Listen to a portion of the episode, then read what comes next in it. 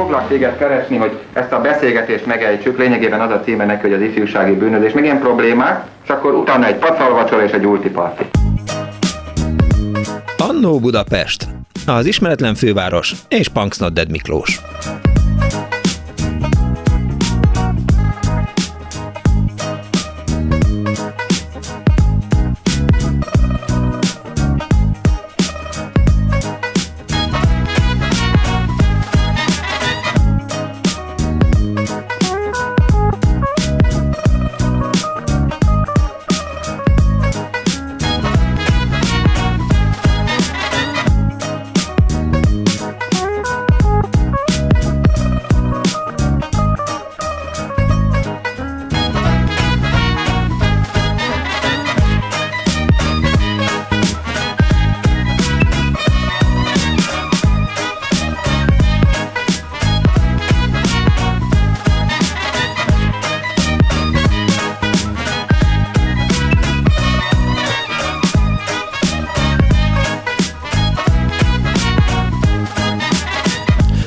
Itt az időt, pedig nem kéne húzni. Jó napot kívánok a kedves hallgatóknak, ez a Klubrádió, benne az uh, Annó Budapest, az önök alázatos narrátorával, Punksneded Miklós, egy kicsit össze vagyok zavarodva, de hát ez nyilván annak köszönhető, hogy az imént lent voltam itt a Bencúr utca előtt, ahol már áll a színpad, és az igazán friss hallgatók, tehát akik nem akarnak egy percről se lemaradni a Surf Fesztiválon, ők már ott ülnek az első sorban, és várják, hogy megkezdődjön a show fél háromkor egy kedves hallgató föltette itt a kérdést SMS-ben, hát mert nem, azt írta, hogy remélem, hogy közvetítik a szörpszódát. Hát sajnos nem, de nem a szörpszódát közvetítjük, hanem Annó Budapest van, megérkezett például Selmeci János, nagyon szépen ki vagy pattintva, so- sokat fogytál, jól nézel ki. Szóval, hogy a Selmeci egy híres ember, szerintem nagyon sokan örülni fognak annak, hogy láthatják ma. Na de visszatérve, szóval, hogy mint a beharangozóból tudhatják, eh, ma arról szeretnék történeteket hallani, hogy ki kivel, eh, milyen híres emberrel találkozott. Nem magamtól vagyok ilyen okos, eh, nem én találtam ki az ötletet, hanem egy kedves hallgató néhány héttel ezelőtt rám írt, Nyilván ő is hallotta azt, hogy az elmúlt két adásban, amikor a énekurákkal, meg a kursokkal foglalkoztunk, akkor eh, nagyon sok hallgató mondta, hogy hogy és miként találkozott Kodály Zoltánnal és így gondolkodtunk, gondolkodtunk, jó, hát ha ennyien találkoztak Kodály Zoltánnal, és ennyi emberben ilyen mély nyomot hagyott ez a találkozó, akkor nyilván vannak olyan emberek, akikkel az összefutás, látás, autogramkérés, néhány szó talán eh, fontos és meghatározó élményé vált. Arra biztatom önöket, hogy, eh, hogy hívjanak és telefonáljanak. Egyébként a kedves hallgató, aki a majd hamarosan előkerül az adásba, ő is írt nekem szeptember 4-én egy e-mailt, hogy, eh, hogy halva ezeket a Kodály Zoltánokat lehetne egy ilyen műsor, úgyhogy nagyon szépen köszönöm Évának a segítséget, majd ő is el fogja mesélni, hogy kivel találkozott én egy kicsit bajban vagyok, mert, eh, mert hát végül is újságírónak hívtak, vagy egykoron újságíró voltam, és a munkám miatt eh, kénytelen voltam úgynevezett híres emberekkel találkozni, és, és az nyilván nem ér. Tehát az, az, az én történeteim azok szerintem maradjanak ki, a hallgatóké sokkal érdekesebb lesz. Telefonszámunk 2406953, illetve 2407953. A találkozás az lehet rockstar, lehet politikus, persze Marosán Györgyöt elmeséltem múlt héten, lehet politikus, lehet színész, és eh, gyakorlatilag bárki, aki fontos volt, vagy, vagy híres volt, celeb határozó, tehát a Story magazint meg lehetne tölteni majd ezzel a műsorral, de természetesen nem fogjuk megtölteni, hanem ezt megtartjuk saját magunknak, az Annó Budapestnek. Tehát 24 06 95 3, 24 07 95 3 a telefonszámunk, SMS-t pedig szokás szerint a 06 30 30 30 95 3-ra írhatnak, és az Annó Budapest Facebook oldala is rendelkezésükre áll, és egy hallgató van a vonal túlsó végén. Jó napot kívánok! Szervusz Miklós, Dési András vagyok. Szervusz, nagyon üdvözöllek! Szia Miklós! Uh, ugye én is zavarban vagyok egy kicsit, mert uh, ugye újságíróként uh, sok hírességgel hozott össze a sors, de most az történetet, amit szeretnék elmesélni, az, az magánemberi minőségemben történt meg velem, már amennyire hogy egy újságírónak van magánemberi minősége. Ez 2013 nyarán történt fönt a Budai Vájban a Szent Háromság téren, valahol siettem, nem figyeltem, és, és hogy mentem át ott a Szent Háromság téren, hát bizony erősen neki mentem egy előtte váló úriembernek, jól, jól, jól, jól meglöktem, és amikor, amikor megfordult, akkor, akkor vettem észre, hogy, hogy ez a sötét kép amit, amit viselt, az egy, az egy, az egy magas haditengerészeti tiszti egyenruha volt, és akkor kezdtem neki mondani magyarul, hogy hát elnézést kérek, de hát ugye realizáltam, hogy ugye magyar magyar katonatiszt nem hordhat ilyen, ilyen, ilyen, ilyen egyenruhát, és akkor angolra váltottam át, és mondta neki, hogy hát I'm so sorry, Admiral, és akkor erre visszaszólt nekem, hogy Rear Admiral, vagyis hogy ellentenger nagy, Aha. és, és nagyon, nagyon ismerős volt nekem ez az ember, akit, akit, akit, akit fellögtem, és akkor esett le, hogy nem másról állok szemben, mint Ben Kingsley. Oh mert akkor forgatták fönt ott a Budai Várban, a Fortuna udvarban a Walking with Enemy című amerikai háborús, második világháborús uh-huh. filmet, amiben Horti Miklós kormányzót alakította, oh. és valószínűleg kijöhetett a forgatásról két jelenet között egy cigarettaszünet, mert nagyon finom ilyen kis szivarkát, cigarillót szívott, és, és hát így, így, így, így, így esett meg ez a, ez a ez a, ez, a, ez a történet, és amikor rákérdeztem, hogy Mr. Kingsley, akkor azt mondta, hogy bingo, have a nice day, sarkon, sarkon fordult, és, és visszament a forgatás helyszínre. Úgyhogy, úgyhogy nekem csak ennyi. ennyi Emlékszel rá, hogy van. miben láttad először Ben Kingsley-t?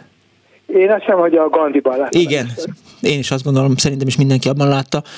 Én is azért így futtattam a, a, a merev lemezemen a, a Search and Destroy programot, és azt hiszem, hogy a, a, a Gandhi volt, amiben viszont meglehetősen, jó, most hogy jövök én ahhoz, hogy zseniálisnak nevezem, de hát, hogy, hogy tök jó volt meg minden.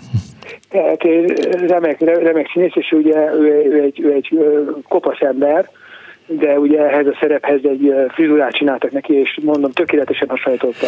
Ja, mert hogy ráadásul nem is kopasz volt Ben Kingsley, hanem volt idézőjel haja? Persze volt haja, tehát megcsinálták neki a... Mondtad, nem, nem, nem ismerem fel a kormányzórat, mit, mit tetszik itt csinálni, tehát nem Hortit ismertet fel, hanem Ben Kingsley-t először.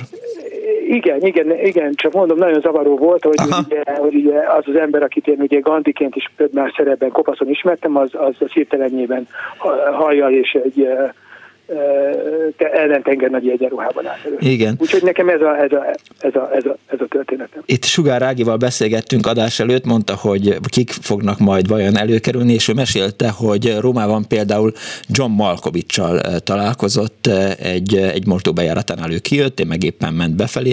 Hát mondom, John Malkovicsal találkozni, az szerintem a, a legnagyobb élmény. Múltkor láttam, amikor Magyarországon járt, és Debrecenbe elment, vagy valami forgatásuk volt, vagy valami egyet, vagy előadást tartott egy egyetemen, és emlékszem, hogy ez még a Covid eh, alatt volt, és eh, ott eh, a, a debreceni előjárók, azok próbáltak így vele kezet fogni, de hát ő csak természetesen ököllel üdvözölte őket, tehát egy kicsit rá, rácsodálkoztak, de hát szoktam hangsúlyozni, hogy, hogy Malkovics az, aki az emberek számára elviselhetővé teszi a kopaszodást és hát Ben Kingsley is, aki ugye, akiről az ember azt gondolná a Gandhi nyomán, hogy ugye egy alacsony ember, ez nem igaz, magas, tehát kb. 185-190 hmm. centi lehet, ahogy így emlékszem.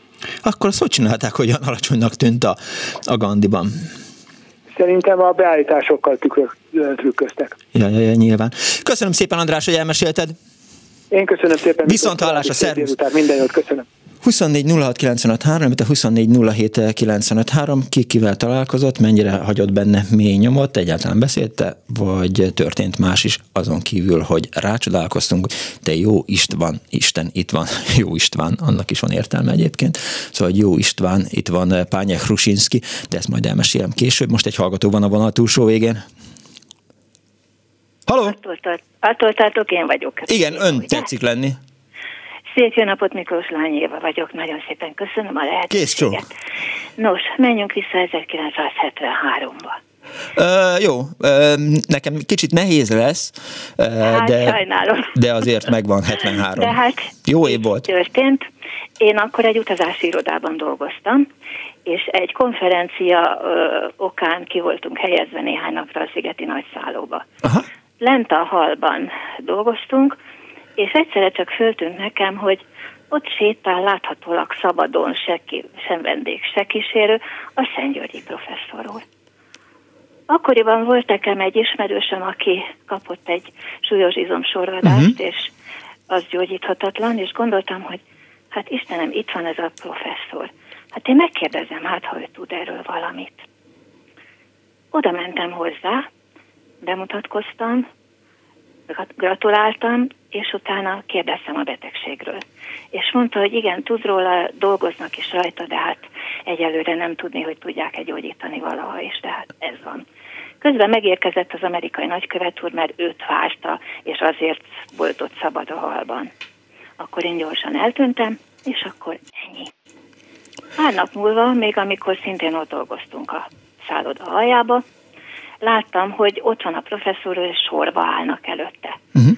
Mert hogy búcsúzkodtak tőle. Hát akkor én is beállok a sorba természetesen.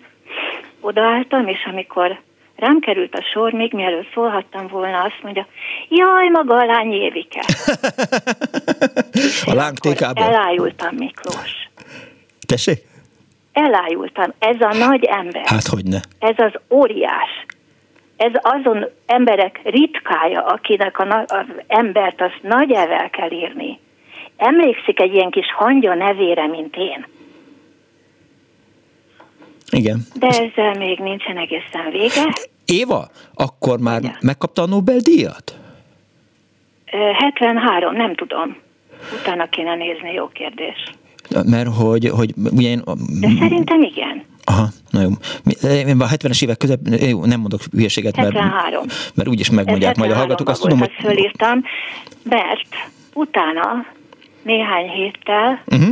illetőleg akkor én még első lépésben, ez azt hiszem, ugye, úgy emlékszem, szeptember volt, és akkor jött a karácsony, és én tudtam, hogy a, a MIT-be, a Massachusetts Institute-ban dolgozik, és odaírtam neki egy karácsonyi üdvözlőlapot, hozott a postás egy levelet.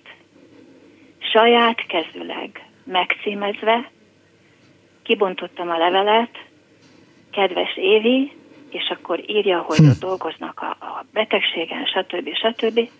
És úgy írta alá, hogy öreg barátja. Ez tényleg fantasztikus. És Miklós, van nekem több mint húsz ilyen levelem, uh-huh.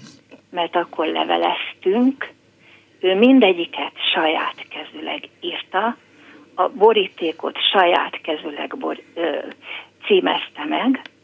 Most, ahogy tegnap átolvastam a leveleket készülve erre a beszélgetésre, ami már közben ki is ment a fejemből, olyan is volt benne, hogy írja, hogy ha majd legközelebb ott járok Amerikába, akkor nagyon szívesen vendégül lát a feleségével.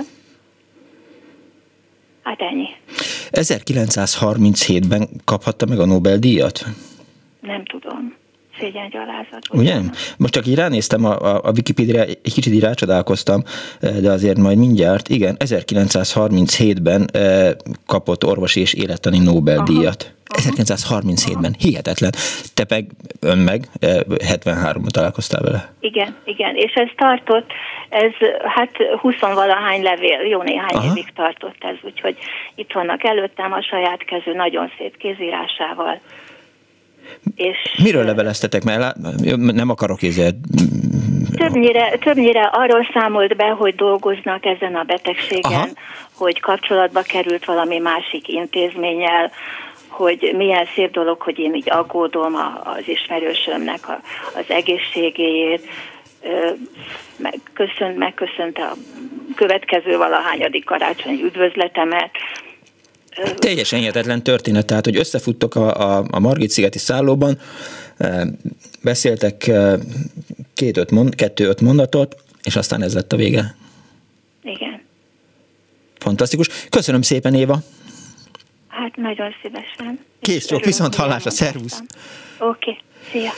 24 06 95 a 24 a hallgatók is megírták nekem SMS-ben, hogy 1937-ben nyert el a Nobel-díjat. Ugye itt már kiderült az, hogy, hogy én azért 73-ban sem voltam még olyan túlságosan öreg, de arra emlékszem, hogy, hogy valamikor a 70-es években eh, volt a magyar televízióban egy, egy portréfilm Szent Györgyi Albertről, szerintem az lehet, hogy 73 után volt, vagy, vagy egy kicsivel később, eh, ezért voltam egy kicsit meglőve azzal, hogy, hogy mikor kapta ő meg a Nobel-díjat, de hál' Istennek az internet megmondta nekünk, meg a kedves hallgató, hogy 1937-es eh, Szent Györgyi Albert Nobel-díja hogyan találkoztam egy híres emberrel, tettük fel a műsoralének kérdést, és egy hallgató van a vonal túlsó végén. Jó napot kívánok! Napot kívánok, én Zsuzsanna vagyok. Kész sok Zsuzsa! Azért hívtam önöket, mert én Balaton világoson nőttem fel, Aha. ott voltam gyerek, és Balaton világoson rengeteg-rengeteg színész nyaralt mindig. Volt egy olyan év, amikor a szállodába, egy szálloda volt lenne a parton, ott nyaralt a Gábor Miklós és a Rutka Éva. Uh-huh. Édesapám meg kiderítette, hogy ő egy osztályba járt a Gábor Miklóssal, és lement hozzájuk, és meghívta őket vacsorára hozzánk. És eljöttek a vacsorára, Aha. volt egy nagy diófánk, és az alatt volt megterítve, és akkor eljött még a Máriási házaspár is, Máriási Félix és a Máriási Judit, uh-huh. és így ültünk az asztalnál, Rutka Éva, Gábor Miklós, Máriási házaspár, meg a szüleim. Jó társaság. És valami csodálatos kajákat csináltak. Hát volt isteni finom húsleves rántott csirke.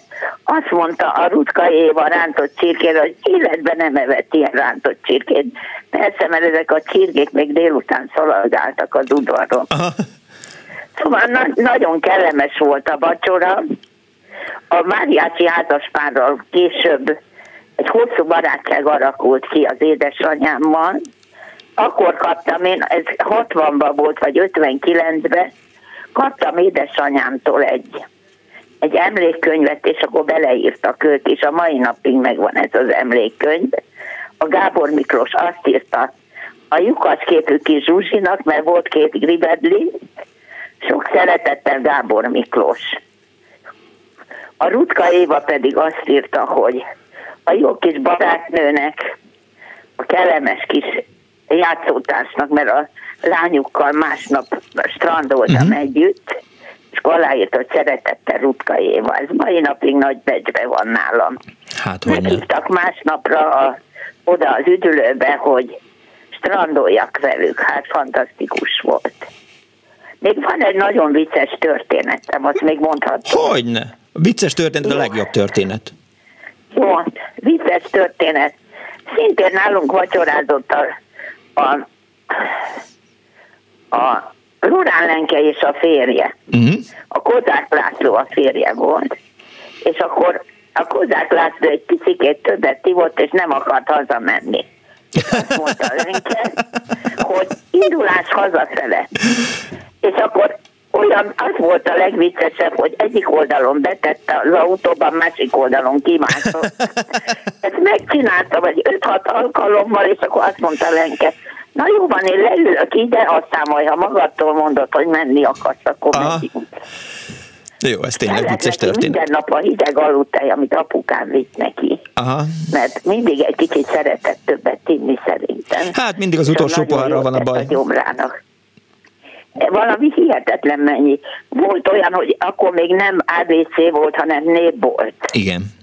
Álltunk sorba népboltba, és ott állt sorba a Dobos Attila meg a Mari Zsuzsi. És olyan nagyképűen a Dobos Attila elővette egy kottát, és mondta, hogy mit kell venni. Szóval ilyenek voltak. Nagy élet volt ez a Balaton világosi. Balaton világos, ez fantasztikus Igen. Volt. Mi föllaktunk a magas parton, de amikor lenéztünk, ott volt a villája, a parti villája a Zentai Annának a fél operett színház ott bulizott hétvégén. De párhova mentem, mindig hol a, hol a, a izé jött szembe velem a, a halászi utka, kísérte a fiát a vonathoz. Uh-huh. Rengeteg, rengeteg, vagy a Dóvján Edith a Kaló Floriánnal. De jó, Ez is egy nagyon régi történet. értem. Úgyhogy rengeteg, rengeteg. Köszönöm szépen, hogy elmesélte. Köszönöm én is. Kész sokan. Viszont Nagyon hallásra. örültem. Látod, Viszont Dániel? hallásra. Viszont hallásra. 24 06 95 3, illetve 24 07 95 3. Látod, Dániel, te is, ha most kimennél a, a klubrádió elé, akkor találkoznál egy-két híres emberrel, és utána ebbe telefonálhatnál 30 év múlva rádióműsoromba, hogy hogyan és miképp találkoztam Gálvölgyi Jánossal, és már hogy Gálvölgyi János is itt el fog itt lépni ma eh, azon a eh, Kinevetsz a végén című műsorban, amiben hát eh, a humor nagyágyúi lesznek ott, és, és egy hallgató van a vonal túlsó végén. Jó napot! Jó napot kívánok, Garai Klára vagyok. Kész sok Klára! Én Farkas Bertalannal találkoztam. Na! Egy közös programon, ami nem volt más, mint valamikor 85-86-ban egy úttörő avatás. Uh-huh. Az igazgatónak az volt az iskolában a, a mániája, hogy egy nagyon jó mánia, hogy mindig hívott valaki érdekes embert az Aha. hogy ne legyen olyan gépi. Hogy ne csak a munkásőrök legyenek meg a ifjúgáristák? Nem voltak ott, ők sose voltak nem. ott nálunk, csak, és akkor ő meghívta a Farkas Bertalant, uh-huh. ő ezt mondta, de hát a kutya nem hitt el neki, hogy ez valaha teljesülni fog, és akkor egyszer csak kaptuk a visszajelzést, hogy jön. Hú, és hát mindig pánik volt ugye egy ilyen avatáson, meg amikor fontos ember megjelenik, mert hétköznapi ember azt nem tudja, hogy ezeket hogy kell megszólítani, meg hogy kell őket felkonferálni. Úgyhogy ez mindig, mindig egy hosszadalmas művelet volt, mert papírból olvasni mégiscsak ciki és akkor mi volt a Farkas Bertalannak a, a bemutató címe? Farkas Bertalan, kutató, űrhajós, mérnök ezredes. Most ezt én még álmomba is ezt tanultam, mert annyira féltem, hogy belebakizok valahogy, Fogadjunk. be, be, be, betanultam, kis papír a tenyerembe, hogyha elsülne az agyam, és nem jutna eszembe, akkor legyen. És akkor megérkezett Farkas Bertalan, és úgy érkezett meg, mintha a szomszédból a játszótérről szaladt volna be. Igen. Végtelenül közvetlen volt, végtelenül kedves és érdeklődő, nyitott iskolában mi újság van, és akkor kiderült, hogy a szülőföldünk eléggé közel van egymáshoz, uh-huh. és hát nagyon jó beszélgetés keveredett belőle, és a gyerekeket az életben nem láttam annyira boldognak a meghívott kedves vendégtől, mert ugye általában nem ilyen jellegű meghívottak voltak, hanem magasabb hivatalt betöltők, és hát a Farkas Berti körül, mint egy kis, kis dongó csapat, úgy dongtak a gyerekek, és hát akkor a boldogság volt, hogy ez leírhatatlan, és nagyon-nagyon nagyon kedves, közvetlen emberi, baráti volt, és nekem is sikerült hiba nélkül végig mondanom az ő titulusát. Amit mondja el még egyszer? Farkas Bertalan, kutató, űrhajós mérnök ezredes. Értem. Akkor már valami kitüntetést nem kellett mondani, hogy a, mit tudom én, a, minek a hőse? Nem, nem, nem, nem, nem, Igen. semmi, ennyi volt, mert akkor megkérdezték tőle, hogy hogy mutathatjuk be, és ő ezzel, ezzel nem volt semmi, meg volt ő már mindenféle hős is akkor, Igen. szerintem, de nem, mert Bár 85-ben még, ő... hát az 86-ban, az, ha jól számolom, akkor, akkor 4-5-6 évvel volt az űrrepülése után. Igen. És... Biztos, hogy megvoltak ezek a kitüntetések, de szerintem ő úgy volt vele, hogy a kitüntetést azt adják, ezért meg a, a, az űrhajóságért meg megdolgozott. Igen, Talán, ez, nem biztos. ez valóban így van. Én is találkoztam vele egyszer, még az Estefem rádióba egyszer behívtuk vendégnek, kvázi ilyen reggeli személy volt, és akkor, akkor nagyon aranyos, közvetlen ember volt, és még emlékszem, hogy, hogy valamelyik lányomnak még dedikált is valami, valami rajzot, vagy, vagy így írt neki egy pár sort. Talán most is megvan. Igen. Igen, igen. Hát ezek, ezek nagy élmények, és nagyon érdekes volt számomra, hogy, hogy nagyon sok olyan úgynevezett meghívott nagy ember az iskolába borzasztóan szerette a, a maga orrát fel, fennhordani, uh-huh. de ez Bercire egyáltalán nem volt jellemző. Tehát jött, beszélgetett, tényleg, mintha a szomszéddal futottam volna össze a lépcsőházba. Azt gondolom, hogy az a normális egyébként. Igen, szerintem is ez a normális, de szóval nem mindenki tekintette ezt normálisnak, van, aki szerette magát egy sámlival magasabbnak képzelni, mint mások. Beszélgettem az adás állandó szerkesztőjével, a, a Annó Budapest szerkesztőjével, Árva Brigivel a, a műsor előtt, és ő mesélte, hogy ő például egyszer együtt vacsorázott Hanna Sigulával és, és Marcello Mastroiannival, amikor a 80-as években szerintem vagy 87 vagy 88-ban forgatta Sándor Pál a, a Miss Arizona című filmet, és annak a maga az Arizona mulató az a filmgyár egyik műtermében volt megépítve, és hát az Hanna Sigula is meglehetősen nagy sztár volt már akkor is, Marcello Mastroianniról meg ugye fölösleges mondani ezt, és miközben volt egy ilyen stábusz, ahol, ahol mondjuk ebédelhetett volna akár Marcello, akár Hanna Sigula, ők, tehát vagy nem is ők, mert végül és csak Marcello Mastroiannit láttam állandóan a filmgyárnak a, a menzáján,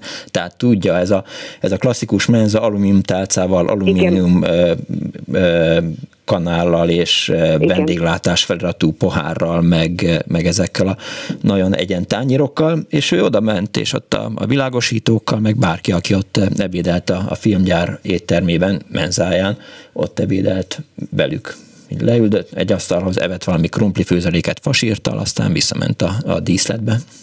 Igen, igen, igen, szóval ezek, ezek, én is azokat az úgynevezett nagy embereket tudom nagyon megbecsülni, akik egyébként nagyon emberek tudnak maradni, annak ellenére, hogy ők híresek, elismertek, nagy emberek, és akkor megőrzi ezt a kedves közvetlenségét. Hát így, így találkoztam egyszer például, nem egyszer, hanem többször rendszeresen munkakapcsolatban Fodorákossal, őtőle is kaptam dedikált könyveket.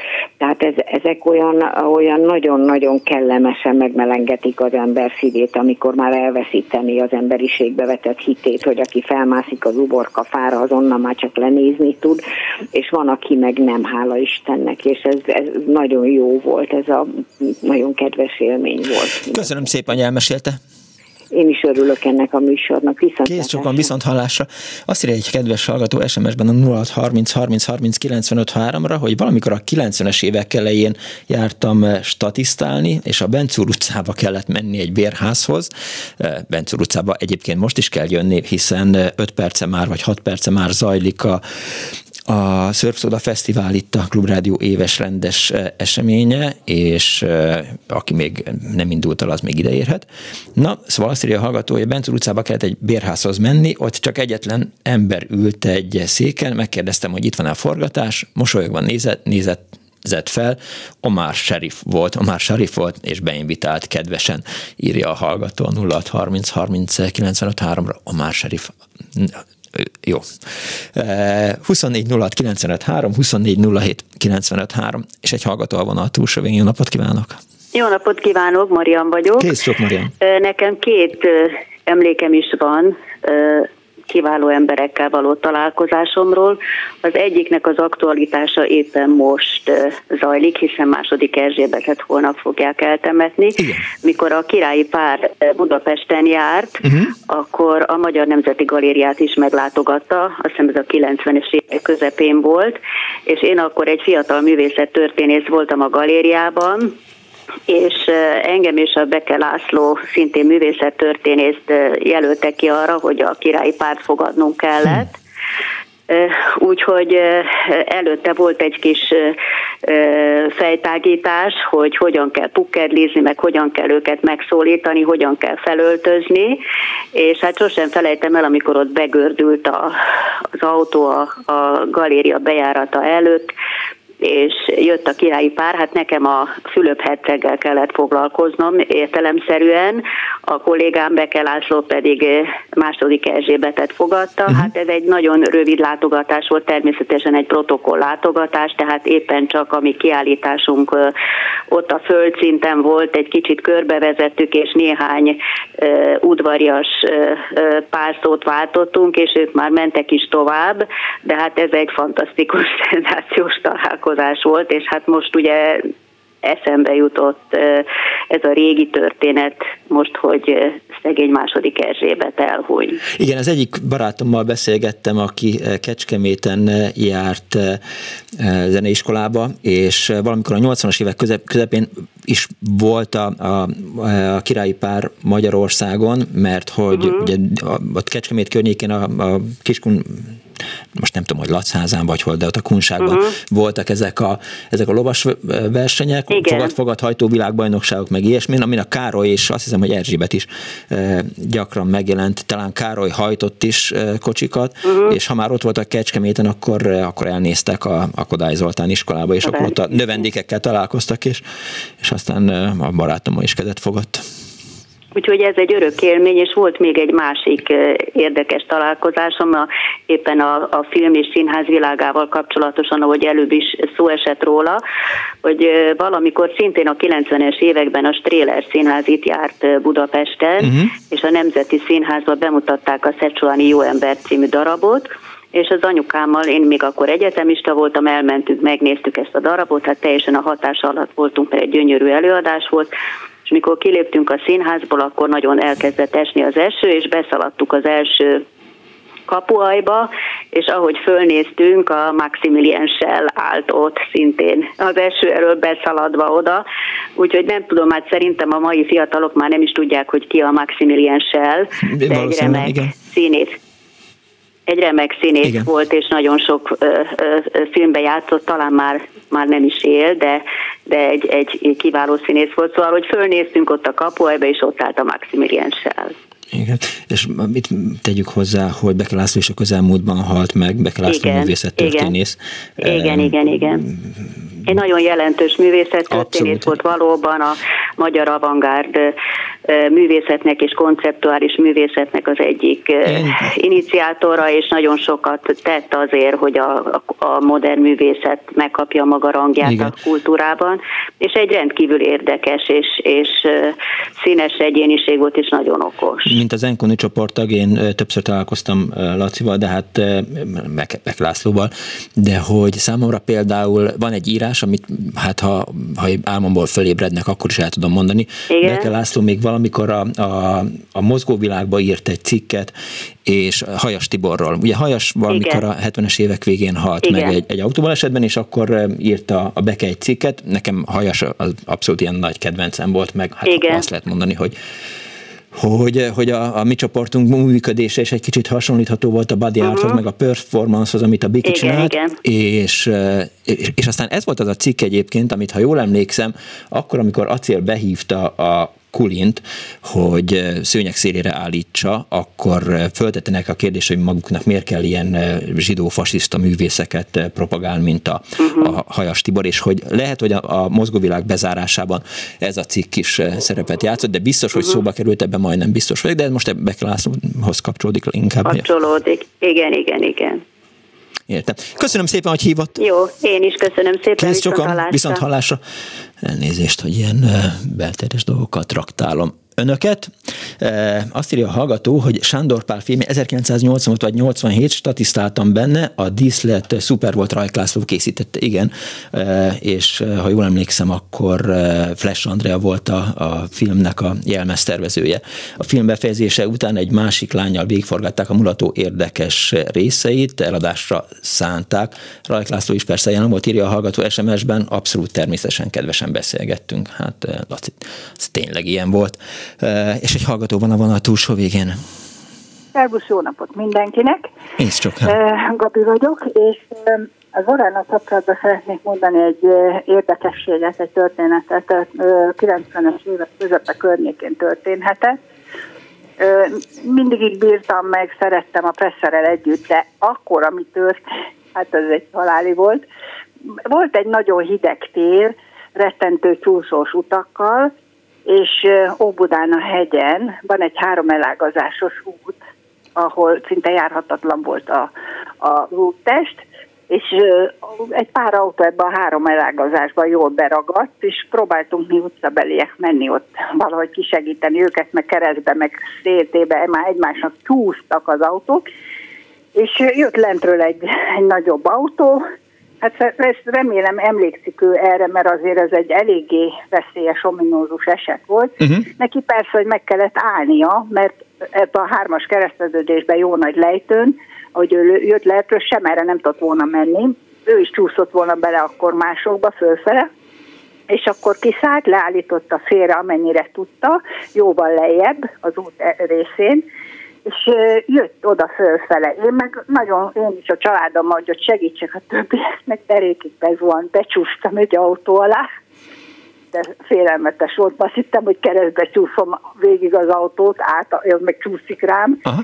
és jött oda egy ilyen lábszár középig érő nagy bőrkabát, meg egy kalap volt rajta, húzkodott kifele, a többi autót taszigálta, ő, hát elképesztő Szóval hihetetlen az, és akkor mondta, hogy hogy hát ez a minimum, hogy emberek közt, meg az autósok közt egy, egy ilyen összefogás, vagy egy ilyen segítőkész. Tehát egyszerűen nem bírnám elképzelni, hogy, hogy még, még sok ember ilyet megtenne, hogy ezt gyakor, most nem mondom azt, hogy az életét kockáztatta, de hogy ott csúsztak egymásra, meg ránk az autók, az egy elég rossz szituáció volt. Akkor beültetett minket hátra, a hátsó ülésre a férjemmel, uh-huh. hogy hát, ha nehezebb lesz az autó, mikor már mindenkit eligazgattunk, hogy tudjon tovább fölfele menni a barátjához, hogy a súly hátul nyomja, hát így se tudott, úgyhogy körbe kellett mennie, és ez a hozzáállása, meg ahogy ott beszélgetett velünk, meg ahogy viselkedett,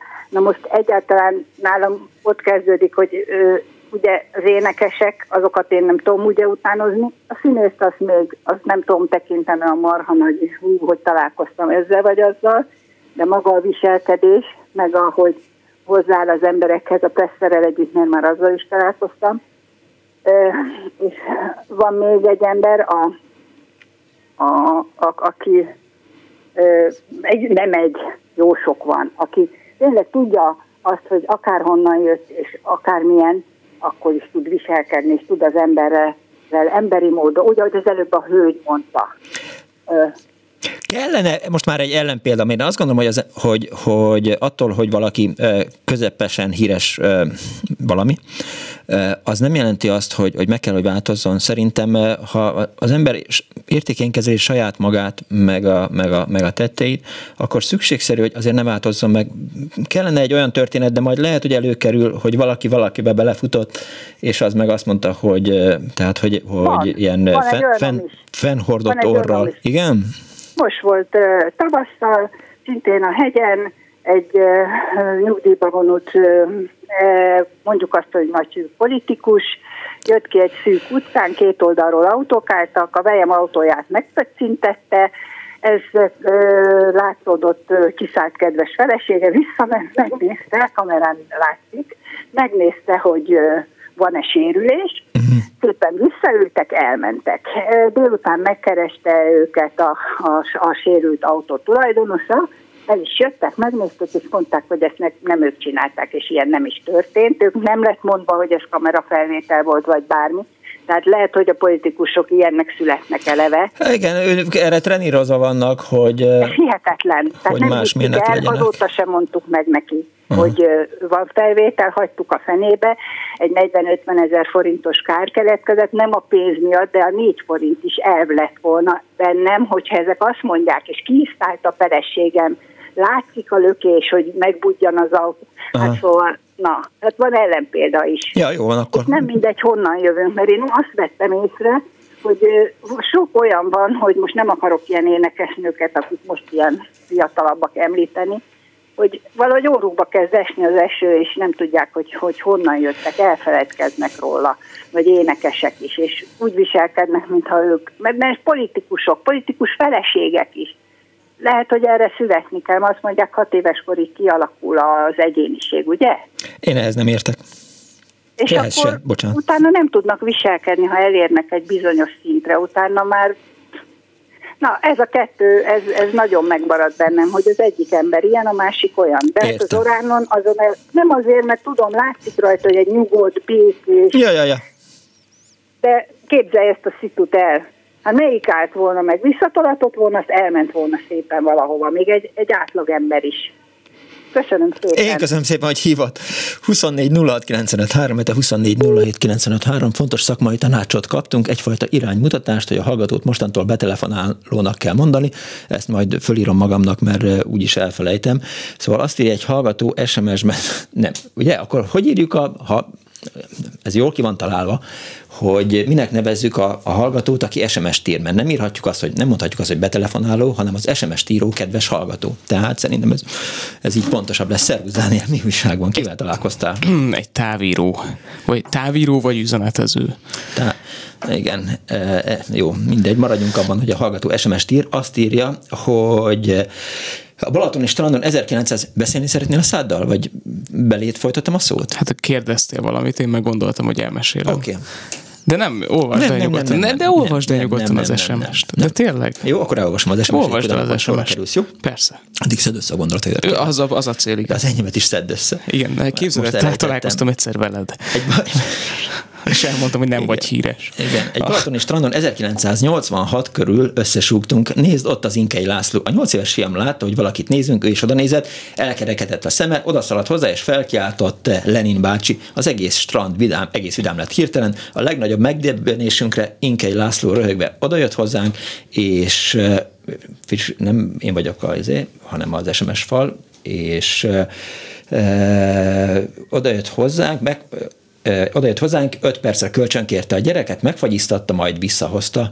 Köszönöm, mondta, és távozott Lenin Inkei László. Parancsolj, Dániel, tiéd a szó. Érdekes, hogy engem így elkerülnek a híres emberek valamiért. Nem. Lehet, hogy nem vagyok elég, vagy, vagy, én nem ismerem a, a, az ő hírességüket. Tehát nem értesültem róla, hogy ők híres emberek. Az, az a normális. Az lehet. Igen. Vagy célzottan próbálok velük találkozókat szervezni, de képzeld el egyszer egy ilyen nagyon nagy, hát a legközelebbi celeb élményem gyakorlatilag, amikor már a Pikó polgármester volt.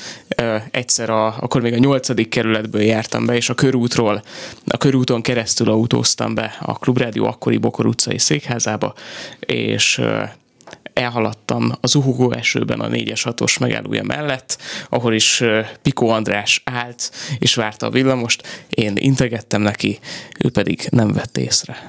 Igen, szép, történet volt. Köszönöm szépen. Ennyit hozzá tudtam tenni a mai műsor. Köszönjük szépen. Jó, jó sztori volt. Majd, mindjárt betelefonál Pikó is. Na, azt írja a hallgató, az, az SMS író hallgató, hogy két Hvár szigetén autóztunk a puszaság közepén, szembe jött egy magyar rendszámú autó, már ez eleve ritkaság, mellénk eh, ért, és eh, lehúzta az ablakot. Hauman Péter volt, és azt kérdezte, hogy nem tudjuk-e véletlenül, hogy a környéken hol van egy hely, ahol tengeri herkentyűt árulnak. De nem tudtuk, írja a hallgató a 0 30 30 30 95 3-ra, és aztán jött egy hosszú SMS, azt majd megpróbálom kibogozni a következő beszélgetés alatt, amelyet az egyik betelefonálóval folytatok. Ma az Annó Budapest eh, kedves hétköznapi történeteket keres, hogyan találkoztunk híres emberrel, erről szól ma az Annó. Halló, napot kívánok! Üdvözlöm és köszöntöm a kedves rádióhallgatókat. Bán István vagyok.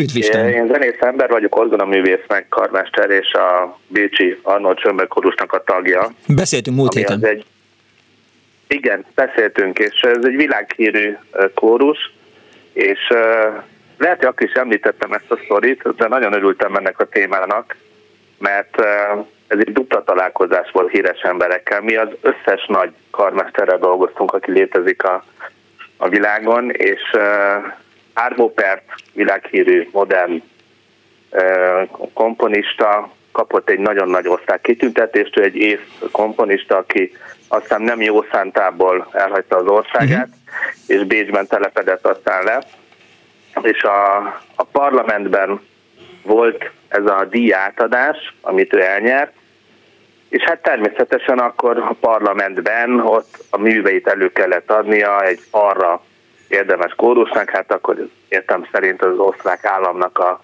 legnagyobb nevű kórus adta elő, benne én is.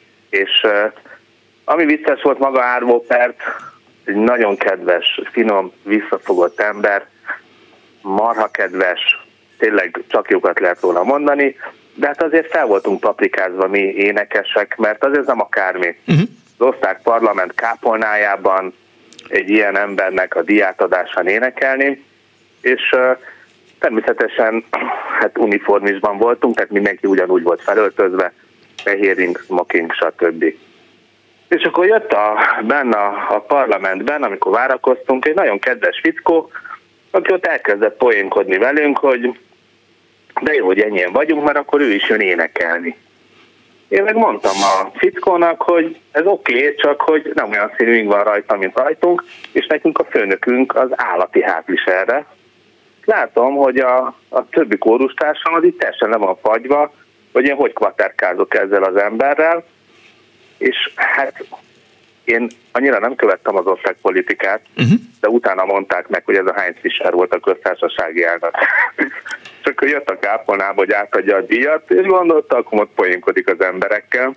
és hát egy nagyon kedves ember volt ő is, úgyhogy csak ezt szerettem volna elmesélni, hogy már, már volt szó zenéről, politikáról, de, de a kettő összeér, és vannak nagyon kedves emberek, akik könnyebben viselik azt, hogy hiába híresek, attól még emberségesek tudnak maradni.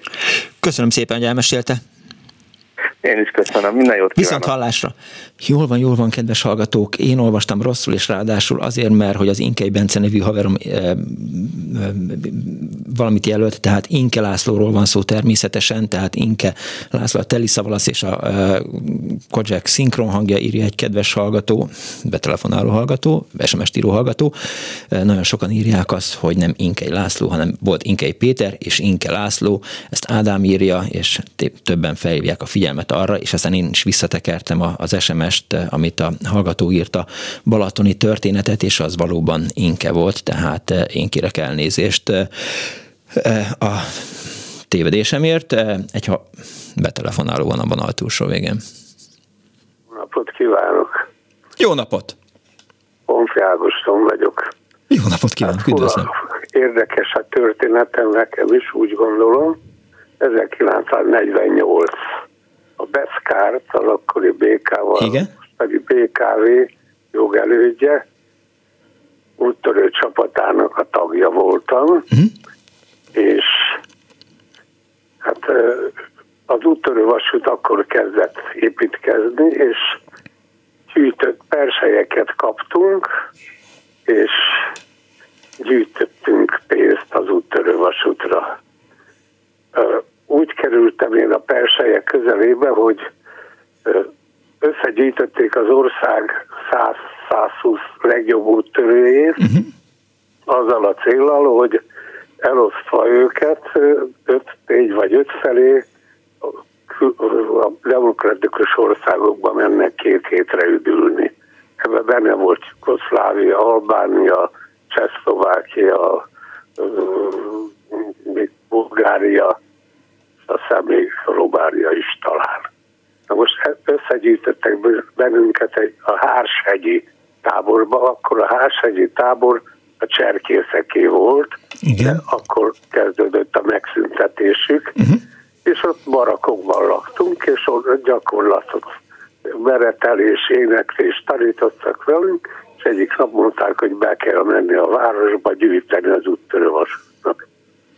Mondanom se kell, hogy megörültünk, mentünk, bementünk a belvárosba, valahol ott a Vörösmarty tér és a Váci utca körül sétáltunk, ketten vagy hárman, persejjel a kezünkbe, rázogattuk és gyűjtöttük. Nem volt nagy sikerünk, de azért akadt, aki bedobott pénzt. Uh-huh. Egyszer csak megállt egy Hudson című autó, egy bárkájú autó, és kiszállt belőle Rákosi Mátyás. És bement a cukorboltba, egy ilyen cukorkabolt volt ott. Uh-huh.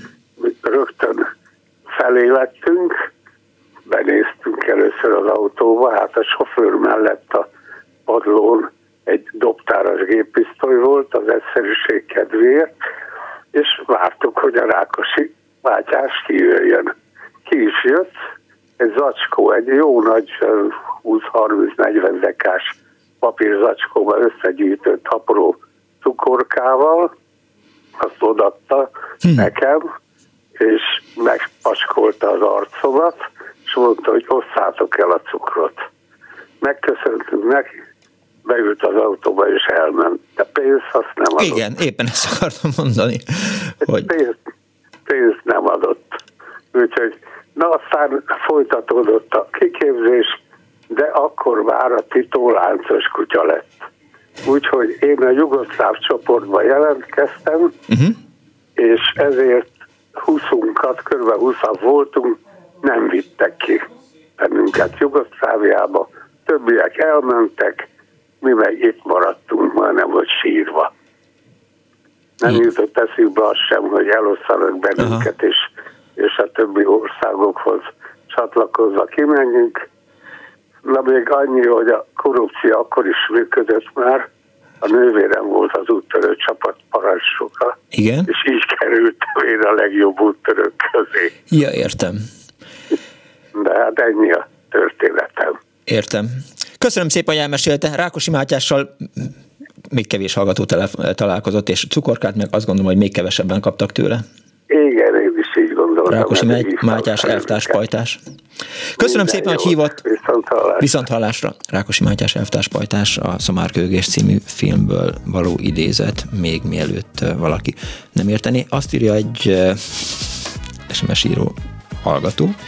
Opus 1000, augusztus 20, nagy sátor, pörkölt evés, Horn Gyula, akkor miniszterelnök bejött, kezet fogott minden pörkölt evővel, meghatódva kanalaztunk tovább, írja Laci. De hányban, Laci? Azért az nem teljesen mindegy, hogy, hogy Horn Gyula melyik minőségében, mikor volt ott, amikor akkor miniszterelnök, igen, tehát akkor ez, akkor ez érthető. Jó, akkor most már megvan az az időszak, amikor ez lehetett 24 06 95 3, de 24 07 95 3 celeb határozó a mai Annó Budapest, olyan nevek bukkannak fel, akik el, önök kedves hallgatók találkoznak, ugye már elhangzott Ben Kingsley neve, elhangzott Rákosi Mátyásé, Zoráné, és a balatonvilágosi eh, színészek is eh, itt voltak a mai műsorban, nem írtam fel mindenki nevét, azért elnézést kérek, de hát majd amikor visszahallgatják a műsort, akkor eh, tudni fogják, listáznom kellett volna.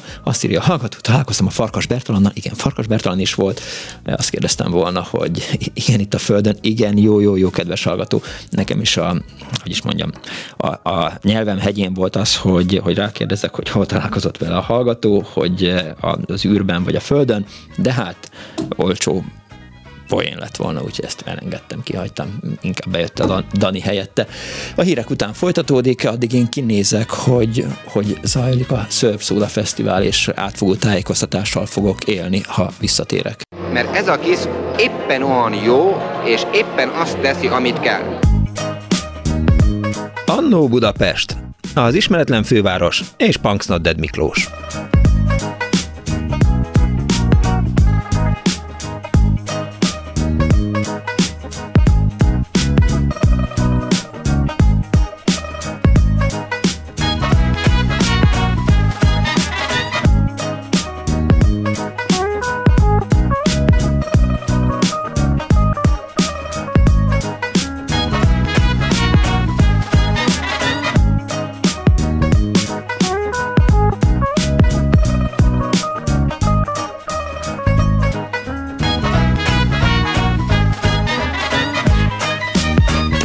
Ilyenkor azt szoktam mondani, hogy jó reggelt kívánok, vagy jó napot kívánok a most ébredő kedves hallgatóknak, de hát már mindenki fönt van, úgyhogy nem kívánok jó napot, viszont eh, kimentem a gangra, az erkére, és megnéztem, hát ha lenne a Bencúr utcában csillár, akkor ott is lógnának, minden esetre a színpad előtt minden hely eh, elfoglalásra került, rendőrségi szakzsargon szerint, eh, szóval, hogy nagyon sokan vannak itt a, a Surf Soda Fesztiválon, eh, gondolom valamiféle összefoglaló ebből megjelenik majd a Klubrádió tartalmai között, de ez még most továbbra is az Annó Budapest az önök alázatos narrátorával, a szerkesztő Árva Brigitta, a pultnál Kemény Dániel, a telefonnál pedig Kis Mária, aki nekem elmesélte egyébként eh, műsor előtt, hogy Gina Lola Brigidával találkozott, és azt hiszem, hogy egy matyó mintás valamit és egy stólát sikerült eh, rásúznia, eh, ahol értékesítőként dolgozott Kis Mária, de hogy és akkor még itt van, beszélgettem Pálinkás Huannal, aki elmesélte, hogy egyszer együtt volt moziba Iggy Pappal, és valami filmet néztek együtt, és azt hiszem, hogy, hogy akit még nem, említ, nem említettünk, Kardos Józsi. Kardos Józsi azt mondta, hogy igazából csak egy híres emberrel találkozott, nem igazán értette ezt a témát, de természetesen sok anyagot szedett nekem össze, mindenkinek köszönöm szépen a segítségét. Szóval, hogy ma celeb határozó, hogyan találkoztam a híres emberrel, alcímű műsor zajlik itt az Annó Budapestben. 24 06 95 3, illetve 24 07 95 3 az es- telefonszámunk, SMS-ben 06 30 30 30 95 3, és egy betelefonáló a vonal túlsó végén. Jó napot! Jó napot kívánok! Kész csak. Klára vagyok, nem tudom, hall, hallanak engem. Tökéletesen! Soha ilyen jó még nem. Komolyan, mert Aha. én nagyon rosszul hallom ön, de hát végül is majd én Nem én vagyok a fontos. Valamit. Jó, következő volt, a munkám, munkámból kifolyólag rengeteg ö, ismert emberrel találkoztam. Volt egy autogramkönyvem, és abba gyűjtögettem aláírásokat. Tehát uh-huh. hallanak, ugye? Igen. Autogramkönyv, abba gyűjtött aláírásokat, minden tökéletesen hallom. Ön, nem baj. Na, egyik, egyik ilyen találkozás elmondom, az Leonard Bernstein volt. A, a repülőtéren no. dolgoztam egyébként, és amikor meghallottam, hogy, hogy a Bernstein ott van bent valamelyik szobába, akkor ott hagytam a csapott papot, vettem az autogramkönyvemet és egy golyóstolat magamhoz, és uh-huh. akkor átmentem oda, bementem, és hát bemutatkoztam a Bernsteinnek, és azt mondtam, hogy hát ugye mondtam a nevemet, és azt mondja, hogy jaj, de érdekes, az ő nagynényét Klárának hívták, és attól kapta ő az első zongoráját. Aha. Na most ez volt a beszélgetésünk tulajdonképpen, és aztán odaadtam neki az autogram könyvömet, meg a golyós tollat, ami viszont nem nagyon fogott. Úgyhogy sajnos az a beírás, az arról csak én tudom, hogy az a belsőny volt, mert hát egy kicsi macska, macska kaparás lett belőle. Hát az igazán Na, szomorú. Ez volt az egyik, mondhatok Aha. még egyet? Persze! Jó, akkor mondanám még a Habsburg, Habsburg Ottót mondom, őt egyszer megláttam, ott várta a csomagjait, azon a placon, ahol a csomagokat várták, és hát én voltam mindig olyan kis-kis, úgymond pofátlan, és mindenkihez oda mentem, hozzá is odaléptem, szintén bemutatkoztam, és elmeséltem neki azt, amit édesanyám mesélt annó, mert a szüleim ott laktak a Kerepesi útnak az egyik mellék utcájába, uh-huh. és hát ugye, mint tudjuk, Gödöllőre ott vezetett az út a Kerepesi úton, Igen. amikor ment a család ki Gödöllőre, vagy jöttek vissza. És azt mondta az édesanyám a, a Habsburg Ottorról, hogy egy nagyon szép gyerek volt, és gyönyörű szőke göndör fürtjei voltak. És ezt én így egy az egyben megmondtam a Habsburg Ottónak, hogy ezt mesélte róla az anyukám. Amikor hát ő már nem volt túl fiatal és kopasz volt. Na most hát ez nem volt olyan szép tőlem, de azért nagyon jó, és akkor megkérdezte tőlem, hogy hány éves az kedves édesanyja. És akkor mondtam, nem tudom, 70 akármennyi volt. Aha. És akkor azt mondta nekem, hogy akkor mondja meg a kedves édesanyjának, hogy én nagyon-nagyon jó egészséget kívánok neki. Nagyon Na, kedves hát volt Habsburg. Volt, de van egy csomó más, de nem mondok többet, mert hagyok másra. Köszönöm szépen. Kész csók! Viszlát, Viszont hallásra! Köszönöm. Néhány hallgatói SMS. Apám a második világháború végén 9 évesen szállási nemzetvezetővel fogott kezet. Egy Vas megyei eh, népiskolában szállási menekülés közben leparolázott a diákokkal, aztán futott tovább a határ felé, írja egy hallgató. Sikító Fűrész azt írja, hogy 1980-ban Lázár György miniszterelnök egy késő esti órában a Hegyalja úton mindenféle kísérlet nélkül felszállt a 8-as buszra, rajtam kívül nem tűnt fel senkinek. És azt írja Dénes Vera, hogy munkám folytán büntető bíróként rágalomzásos magánvádas ügyekben jó pár több tucat politikushoz volt idézőjelkedik szerencsén feljelentőként, vádlottként egyaránt néha vicces jelentek is zajlottak a tárgyalomban, s volt, hogy ki tudtam őket békíteni. A legfontosabb híres emberrel találkozásom azonban nem a bírói hivatásomhoz köthető, körülbelül 15 éve járogattam az és vacsorákra, és ott ismertem meg EP-t, Eszterházi Pétert teszem hozzá, aki e, ismerte e, személyesen, itt majd mindjárt friss az SMS fal, tudja, hogy nem sokaknak jutott osztály részül olyan kisugárzás, kedvesség, szellem, humor, stb., mint nyelvőr grófnak. Könyvetenként nekem dedikált könyvének egyikébe egyszer berajzolt egy kis akasztófát, és ezt írt alá két halálos ítélet közé szeretett két halálos ítélet közé szeretettel Eszterházi Péter írta tehát Dénes Vera a 0630 30 30 95 3-ra, és egy betelefonáló van a vonalban. Igen, én vagyok, azt hiszem, ugye? Igen. Írtes Andris vagyok meg. Jaj, András, te mindenki, te, te vagy a híres ember, csak szólok. Nem, nem, most arról van szó, hogy egy hete meghalt sajnos az Állik Godár, 92 évesen, és nekem volt szerencsém vele találkozni, ugyanis képzeld el, az 50. születésnapján Budapesten járt, Aha. hóna alatt hozta a Weekend című legújabb filmjét, és a Filművész Szövetség titokban megszervezte a vetítést, és a szájagyomány útján gyorsan elterjedt, úgyhogy mi is rohantunk oda megnézni, és nem volt már hely, ugye mindenki ült, úgyhogy a Santus Janival leültünk a földre az első sor elé, és körülbelül egy méterre tőlünk ült ott a Zsálük Godár egy fotelbe a vetítés után. Uh-huh. Hát hozzá kell tegyem, szerintem baromi jó film, azóta kétszer is láttam ezt a weekendet, és szerintem az egyik legjobb filmje. és akkor persze jött ez a feszült csend, ugye, hogy hát akkor kinek van valami kérdés. Uh-huh és senki nem mert kérdezni semmit, és akkor én, mint az iskolába fölemeltem a kezem, és akkor na, intett, hogy na tessék kérdezni, és hát persze az összes filmes főbörgött, hogy na a hülye szívtes már megint milyen baromságot akar kérdezni. Én csak simán megkérdeztem tőle, mondja mester, hogy kell filmet csinálni? Azt mondta, igen egyszerű, meg kell nyomni a felvevőgép gombját, és kell tudni, hogy mikor kell elengedni. Na hát erre óriási rögés támadt, és akkor megjelentek a hungárofilmes lányok, és hoztak neki egy nagy tortát 50 darab gyertyával, és akkor mondtam magamba, hogy csak nehogy a képébe vágják ő vele, ugyanis az történt, hogy amikor uh, Franciaországban nagyon gyűlölte az újságírókat, meg a tévéseket, meg a riportereket, uh-huh. annyira, annyira fölbosszantotta ezt az egész újságírói siserehadot, hogy egyszer egy előző szülinapi uh, ünnepségen vittek neki egy fehér tortát, és ahelyett, hogy átadták volna a képébe, vágták az egészet. Ígyába bosszút a Godáron, aki mindig gyűlölte az újságírókat. És hát, hát ennyi volt a Godárral való személyes találkozásom. És hát a klasszikus mondat tőle, hogy egy filmnek kell, hogy legyen eleje, közepe és vége, de nem feltétlenül ebben a sorrendben. Igen, igen. Hát a másik, ami nagyon híres, amikor kérte a producer, hogy a kifulladásignak írja meg a szinopszisát. Azt mondja, jó, van nálad egy cigarettás doboz? Van. És akkor annak a hátoldalára írt két szót, azt mondja, itt van tessék. Szóval tényleg nagyon polgárpukkasztó volt, de hát ezért imádtam a filmjeit. Van még egy történet. Mi volt a két amit... szó? Hogy? Mi volt a két szó, amit a cigarettás dobozra írt? Nem tudom, az talán valami filmtörténet. Ennyi már. Biztos az volt, hogy kifulladásig, nem? ja, kifulladásig franciául két szó. Jó, Mondhatok még Igen. egyet?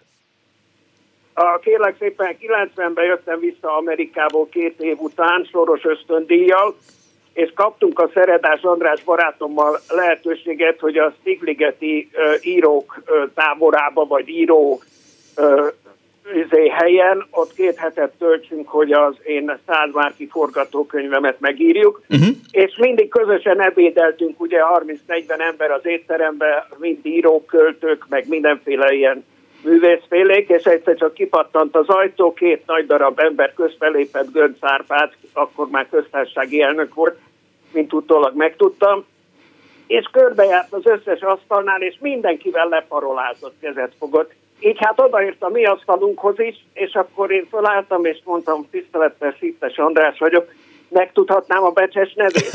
És azt mondja, Gönc Árpád vagyok. Ja, mondom, a híres műfordító, nagyszerűek a fordításai, gratulálok hozzá. Erre mindenki elkezdett röhögni, és bögdöstek oldalról és utólag tudtam meg, hogy hát őt már köztársasági elnöknek kinevezték, Aha. és akkor mosolygott, és mondta, hogy nagyon jól esett neki, hogy műfordítóként említettem. Hát így buktam meg egy kicsit az vizsgán. Igen. Jó van, András, szervusz!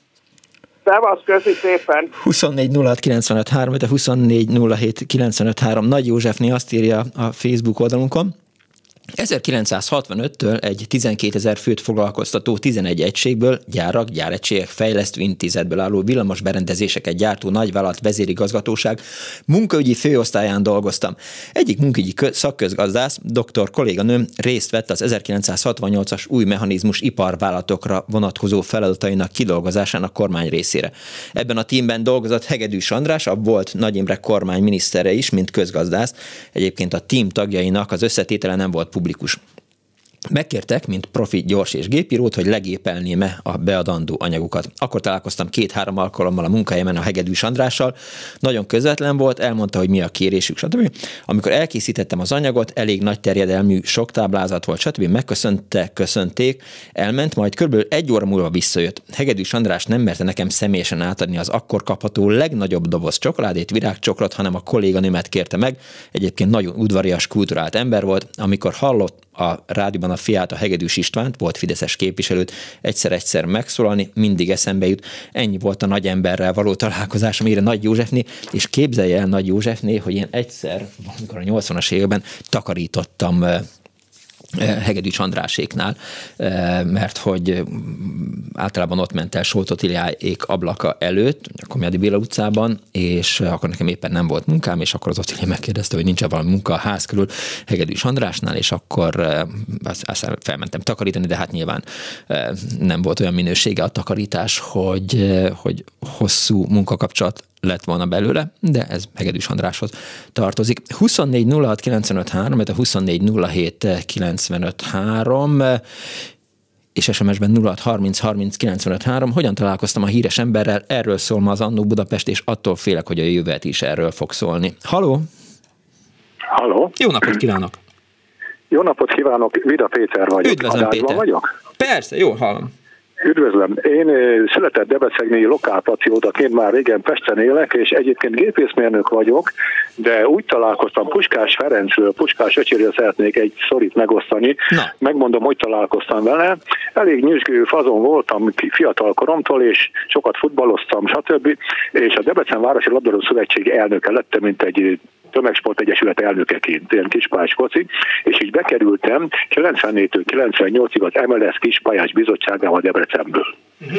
Jártunk fel ülésekre, a Népstadionban volt akkor a MLS Kispályás Bizottság ülése. Egyébként az MLS akkori Kispályás Bizottságáról annyit szeretnék most megosztani önökkel, hogy mi hoztuk be az akkori MLS Kispályás Bizottság, hozta be Magyarországra a futszál nevű 4 plusz 1-es játékot. Ugye, ezzel lehetett akkor kilépni a a nemzetközi mezőnybe, de nem erről akar beszélni. Hát mi sportvezető, mert ezt a szorít nem sokan ismerik, csak a sportvezető barátaim, esetleg a barátok. No, tehát egy MLS Kispás bizottság ülés volt, Budapesten, a Népstadionban szokták ezt tartani akkoriban, és ahogy jöttem fel egy ülésre Debrecenből, az első majd félemeleti előd ott ült és borozgatott Puskás, Ferenc Puskás öcsi.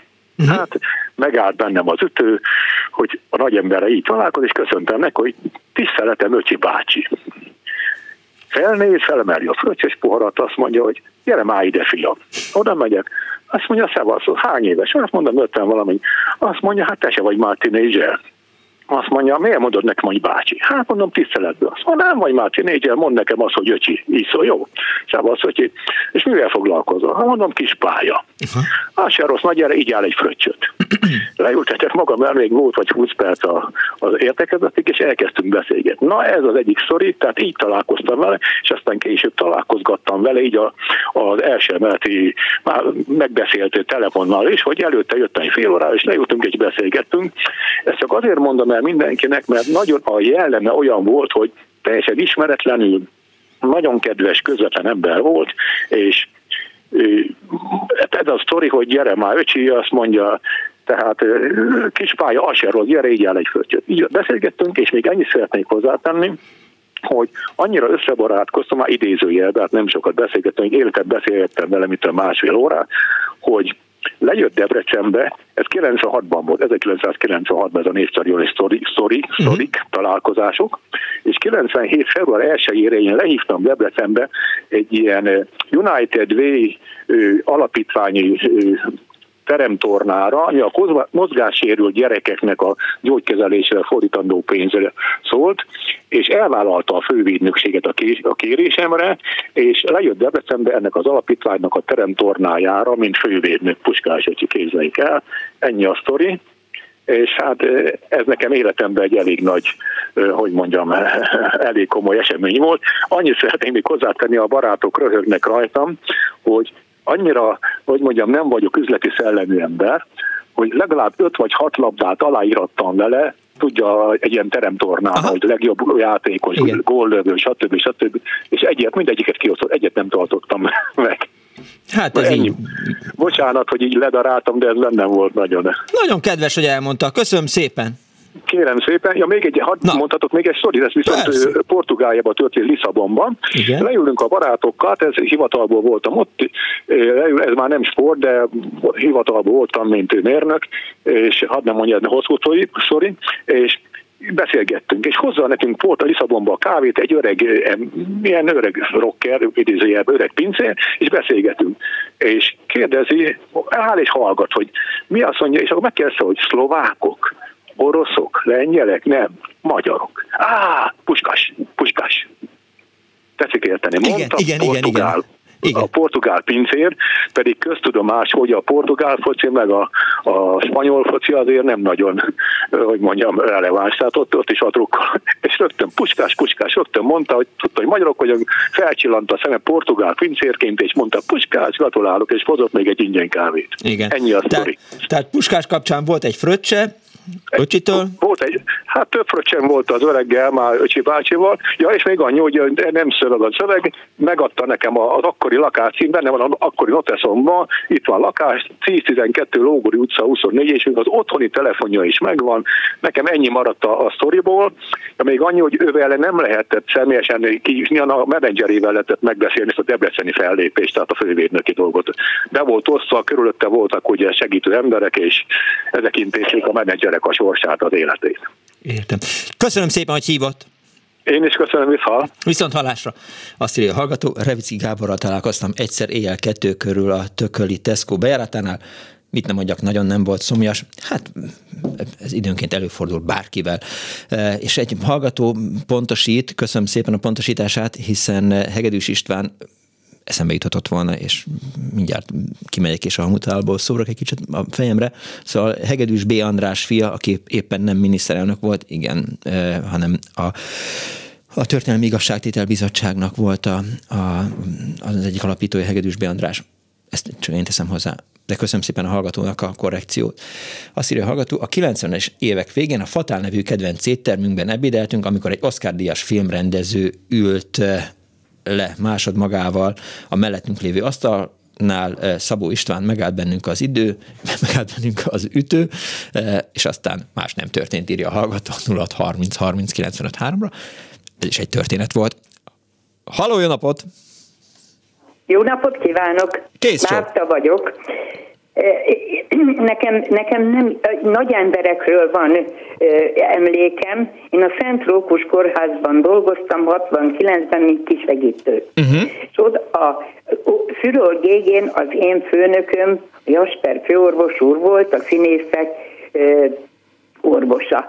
Ott kezelgette őket, ugye, hát a torkukat megnéztem, megjavítottam minden, és a Sota Irén művésznő jött hozzánk, a fér, akkor még a férje, a Ungvári Tamás volt.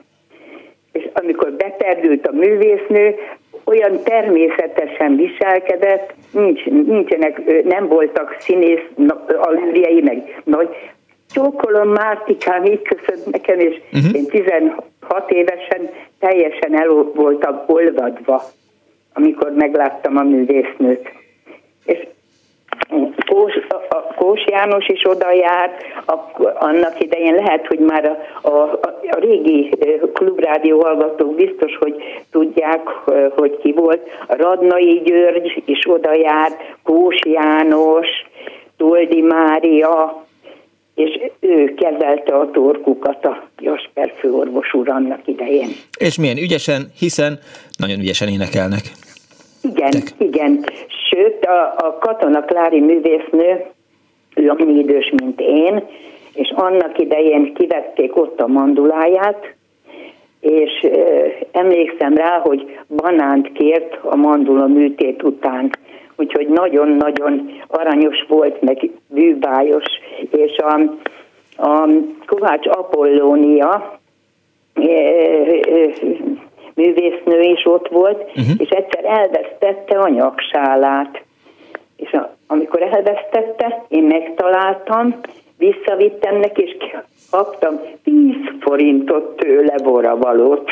Az igen.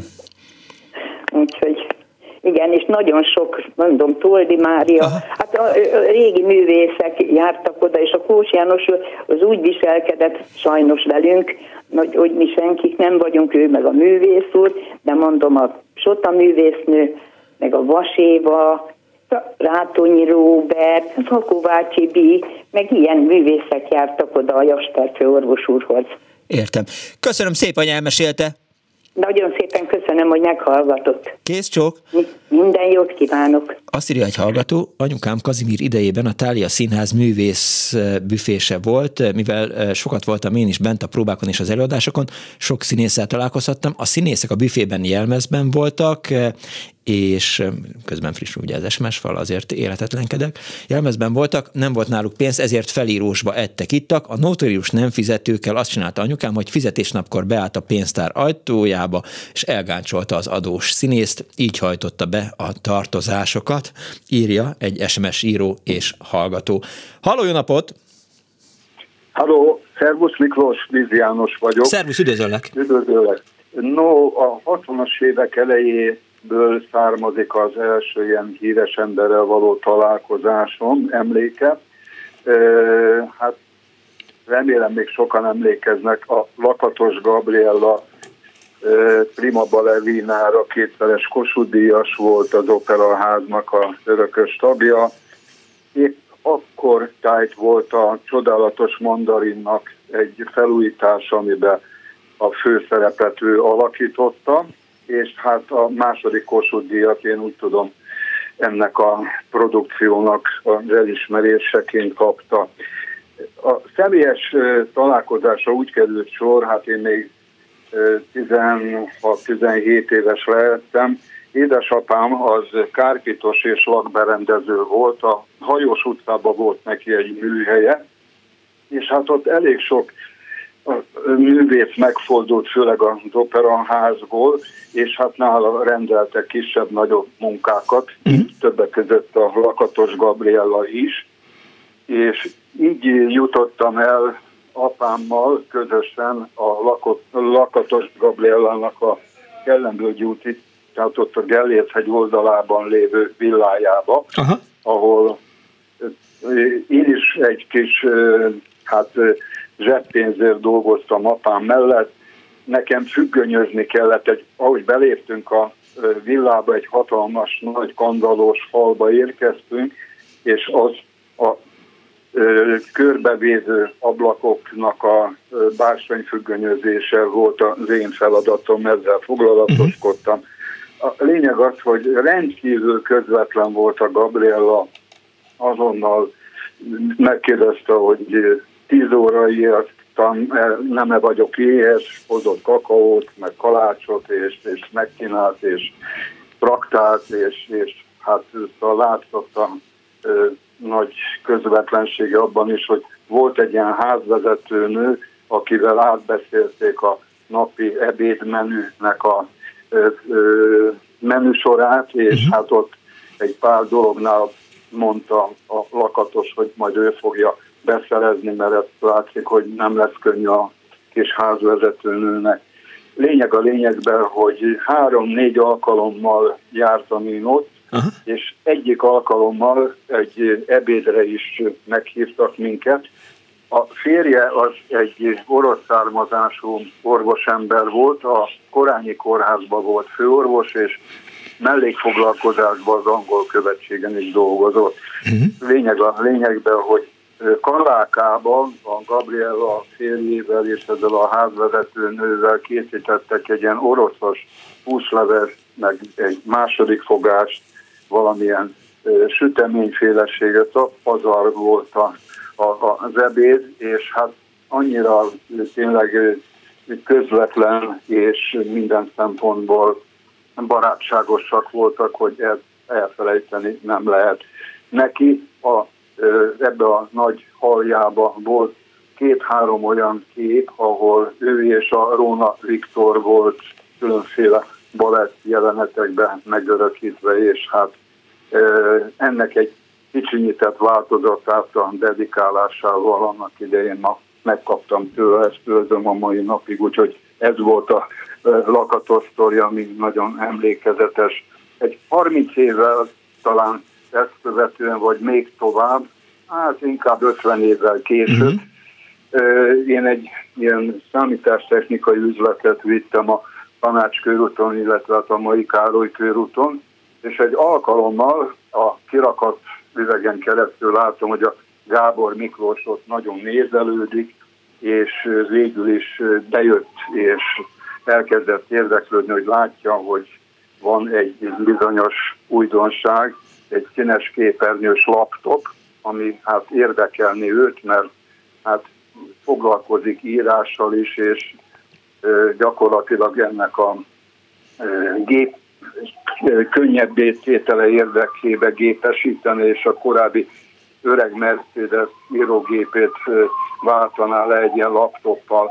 Lényeg a lényegben, hogy egy két-három alkalommal bejött, mindig érdekes kérdéseket tett föl, amire a megadott válaszokat egy ilyen kis időben rögzítette, és hát a végre az lett, hogy megvásárolt ezt a laptopot, és hát egy jó fél év elteltével egyszer arra jártába bejött, és hát emlegette, hogy mennyire hasznos jószág, mennyire örül, és, és hát gyakorlatilag csekkolt azt, hogy nem csinált rossz vásárt, amikor ezt a az eszközbe újította magának, úgyhogy a Gábor Miklós is ilyen értelemben testközelbe került, és örültem ennek a köszönis találkozásunknak. Lakatos Gabriella a Kelenhegyi út 38 per A alatt lakott, e, és Igen. egy emléktábla őrzi a nevét. Ebben a házban itt Lakatos Gabriella, 1927-1989, balettművész, e, prima ballerina, Kossuth Díjas érdemes és kiváló művész. 2009-ben állították az emléktáblát a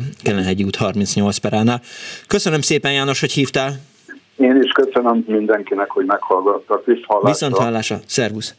E, azt írja a hallgató, hogy hogy, hogy, hogy, hogy, és közben több SMS is érkezett, így találkoztam Dénes Verával, aki nemrég osztotta meg találkozási történetét Eszterházi Péterrel. Dénes Vera is híres ember, nem csak büntetőbíró volt, hanem verses kötettel is rendelkező költőnő. Egyszer repülővel utaztam, és véletlenül egy repülőtéri minimuszban mentünk el a repülőtérre. A repülőgépen véletlenül egymás mellé szólt a jegyünk, így aztán összeismerkedtünk, írja egy hallgató. Aztán azt írja egy másik, hogy 2004-ben voltam egy vetítésen, eh, ahol Vég Mihály diploma munkáját láthattam. Pár nappal később a Zöld Pardonban a büfénél eh, megszólítottam egy őszes szakállas úriembert, aki szintén ott volt a vetítésen, beszélgettem vele Vég Mihály filmjéről, elég kedvetlen volt. Kicsivel később jöttem rá, hogy magával Tarbélával beszélgettem, csak nem ismertem föl, írja egy hallgató. Egy másik, jó vicces, Tiszteltem Miklós, 1986-ban a Debreceni Agrártudományi Egyetemen az én tisztem volt a Gólya Báli zenekar szervezése. A hagyomány megszakításával éltem, nem Debreceni zenekar lett a választás, hanem a Bergendi Szalon zenekar. Akkoriban az ilyesmi tudomásom szerint az Oriban kellett megrendelni, ami meg is történt, 75 ezer forintba került. A megbeszélés véget találkoztam Bergendi Istvánnal, aki meglehetős rosszallással vette, hogy az Orinál rendeltem meg, és nem nála írja egy hallgató, ha ezt tettem volna, akkor 45 ezer forintból megúsztuk volna a fellépést. Kismagyar korrupció, üdv, írta Endre. Közben eh, eh, Árva Brigitte behozott nekem egy, eh, látom, hogy Facebook hozzászólást. Szevaszka, a mai adáshoz élmény, mivel moziban és színházban is dolgoztam, nem egy híres ember befigyelt, de a három legemlékezetesebb, Jean Reno, Alisa Freundlich és vele Péterváron, valamint Christopher Lambert, plusz egy Orbán Viktor egyszer a 90-es évek végén beesett a Szerelmes Shakespeare című filmre, akkor már testőrrel járt, aki kin várta meg. Mi akkor moziban azt gondoltuk, hogy nem a filmet jött nézni, hisz késve jött, és korábban távozott írta egy hallgató. És egy betelefonáló van a vonalban. Dániel integet nekem, hogy, hogy, itt, hogy itt van a hallgató. Jó napot kívánok! Jó napot kívánok, én vagyok vonalban? Igen, ön. Üdvözlöm és a hallgatókat is szeretettel. Szuhai János vagyok, és akiről szeretnék beszélni, úgy hívják, hogy Barry White. Remélem, hogy sokan még emlékeznek Hogyne, rá. persze és a személyes találkozás az, az igaz, hogy munkakapcsolat volt, de talán érdekes. 90 és 92-ben is Európa turnén volt Barry White, és uh-huh. hozta a 12 tagú hát saját színesbőrű zenekarát, és kiegészítették itt Magyarországon a multimédia Hegedűs László vezetésével Aha. egy szimfonikus zenekarral, amiben 12 vonos volt és 5 fúvós. És hát ennek a tagja voltam én is, uh-huh. és így összesen hát 90-ben 30 koncertet adtunk Európában, Ez igen. és 92-ben pedig 41 koncertet, az szinte az összes, összes európai nagyvárosban, és Barry White-ról szeretnék beszélni, hogy, hogy egy olyan kedves, kedves, végtelen, nagyszívű ember volt, talán az előző betelefonálónak a Puskás öcsivel történt uh-huh. találkozáshoz hasonlítan, egy nagyszívű, kedves, minden turné végén egy, egy partit adott, ahol mindenki azt fogyasztott, amit akart. A legutolsót mesélném el, ami az Ausztriai, Ausztria Centerben Igen. volt, Bécsben, és az, az utolsó koncert után a Bécs legjobb diszkójában tartott egy ilyen búcsúestet, és ott mindenki azt fogyasztott, amit akart, mindenkivel fényképezkedett, akkor ö, aláírta a CD-ket, autogramokat adott, és nagyon szerette a magyar zenekar. Ezt szerettem volna elmondani Barry White-ról. Gondolom van egy autogramja is tőle. Van, igen, egy, egy, azt mondja, hogy egy improvizáció tanulmány uh-huh. adtam a kezébe, és rám nézett, és, és elnevette magát, hogy hát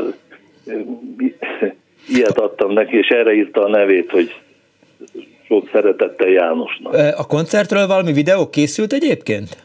Sajnos akkoriban nem volt sem mobiltelefon, mert ez 90 és 92-ben Akkor volt, nem volt még, igen. és le voltak tiltva, ezek a nagyméretű kamerák voltak csak, Aha. viszont nagyon sok fényképen van, és a, a kontrollpultról történt keverőről történt kazetták, tehát hangfelvételem van erről, és sok fényképen van Barry White-ról, meg erről a partiról főleg, úgyhogy hát nagyon kedves ember volt, és végül is száz napot töltöttünk együtt vele, és ez, ez nekem egy meghatározó élmény volt természetesen. Köszönöm szépen, hogy elmesélte. Én is köszönöm, és minden jót kívánok. Viszont hallásra. Halló, jó napot! Halló, Halló élen még? Igen, ön tetszik lenni. Péter vagyok. Hello, Péter. Ó, hát én, én hallgattam végig ezeket a mm, sztorikat, és annyi mindent szeretnék elmondani, de most hirtelen Hogy egyet. az utolsó telefonáról az volt az eszem, hogy, hogy ezek az, az, az, az emberekről azt gondoljuk, hogy, hogy tehát ezekről a nagy, mm, nem tudom, művészekről... Nevezzük be, egyszerűen csak ilyen, istenek. Igen, igen hogy, hogy, hogy, hogy ezek ilyen, ilyen megközelíthetetlenek, és, és, és, és, és, és, és, és nem úgy van. Nem. Tehát ez nekem nagyon jó esett, hogy, hogy ezt, ezt, ezt hallottam, hogy, hogy ezek is emberek. Tehát, jó.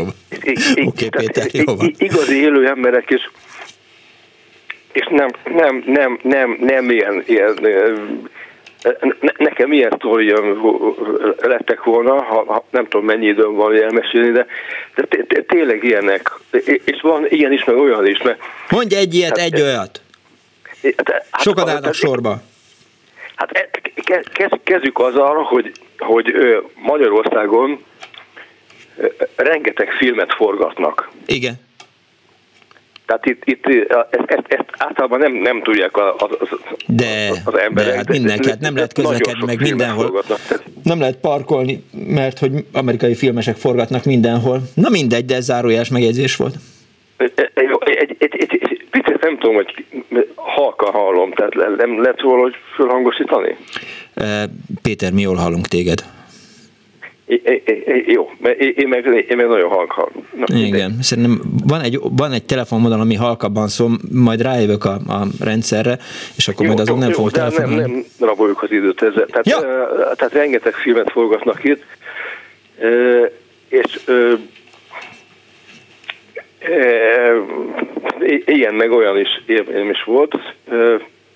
Tehát az a lényeg, hogy van, van, egy, van, egy, van egy ismerősöm, aki, aki nem tudom, hogy milyen, milyen módon, de tudja, hogy ezek a, ezek a színészek hol, hol lehet összefutni, és nem mondom meg a, a hoteleknek a nevét, mert, Four mert Season, akkor, persze. Oké. Okay. Azt, azt akkor azt, azt nem, nem mondom meg, de ezek, ezek ugye ott állnak az autogram vadászok a, a, a, a, a főbejáratnál, ott, ott, ott nem mennek be ezek. Hát, valahol mindig valamilyen hátsó bejáraton mennek be. És nekem volt alkalmam személyesen négy közt beszélgetni, mert, mert hogy tudtam, hogy, hogy, hogy, hogy hol jönnek be és mikor. Nicolas cage és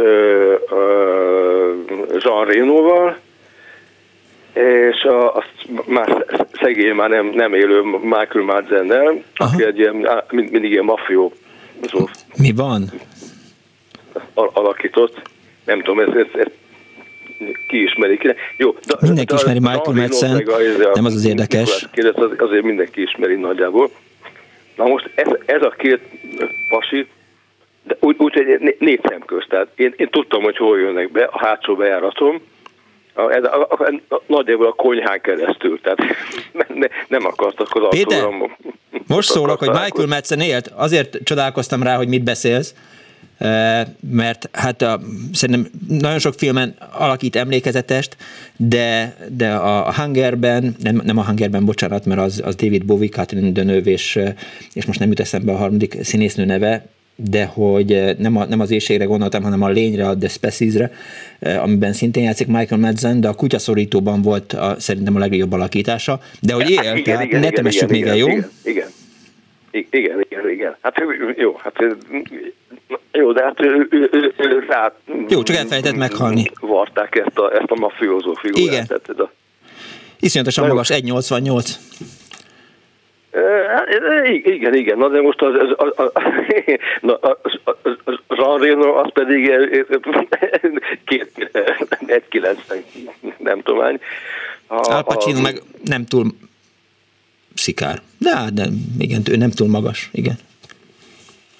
Hát és a Nikolász Kézis az ő is 1,90 fölött van, tehát nagyon és mind a, mind a két, mind a két tehát a Jean Renoirról, tehát annyit, hogy a, a filmekben én mind, mindig egy ilyen, egy ilyen, ilyen nagyon ilyen, ilyen, tehát ilyen hát hogy mondjam, ilyen, ilyen mindenkit nagyon verek.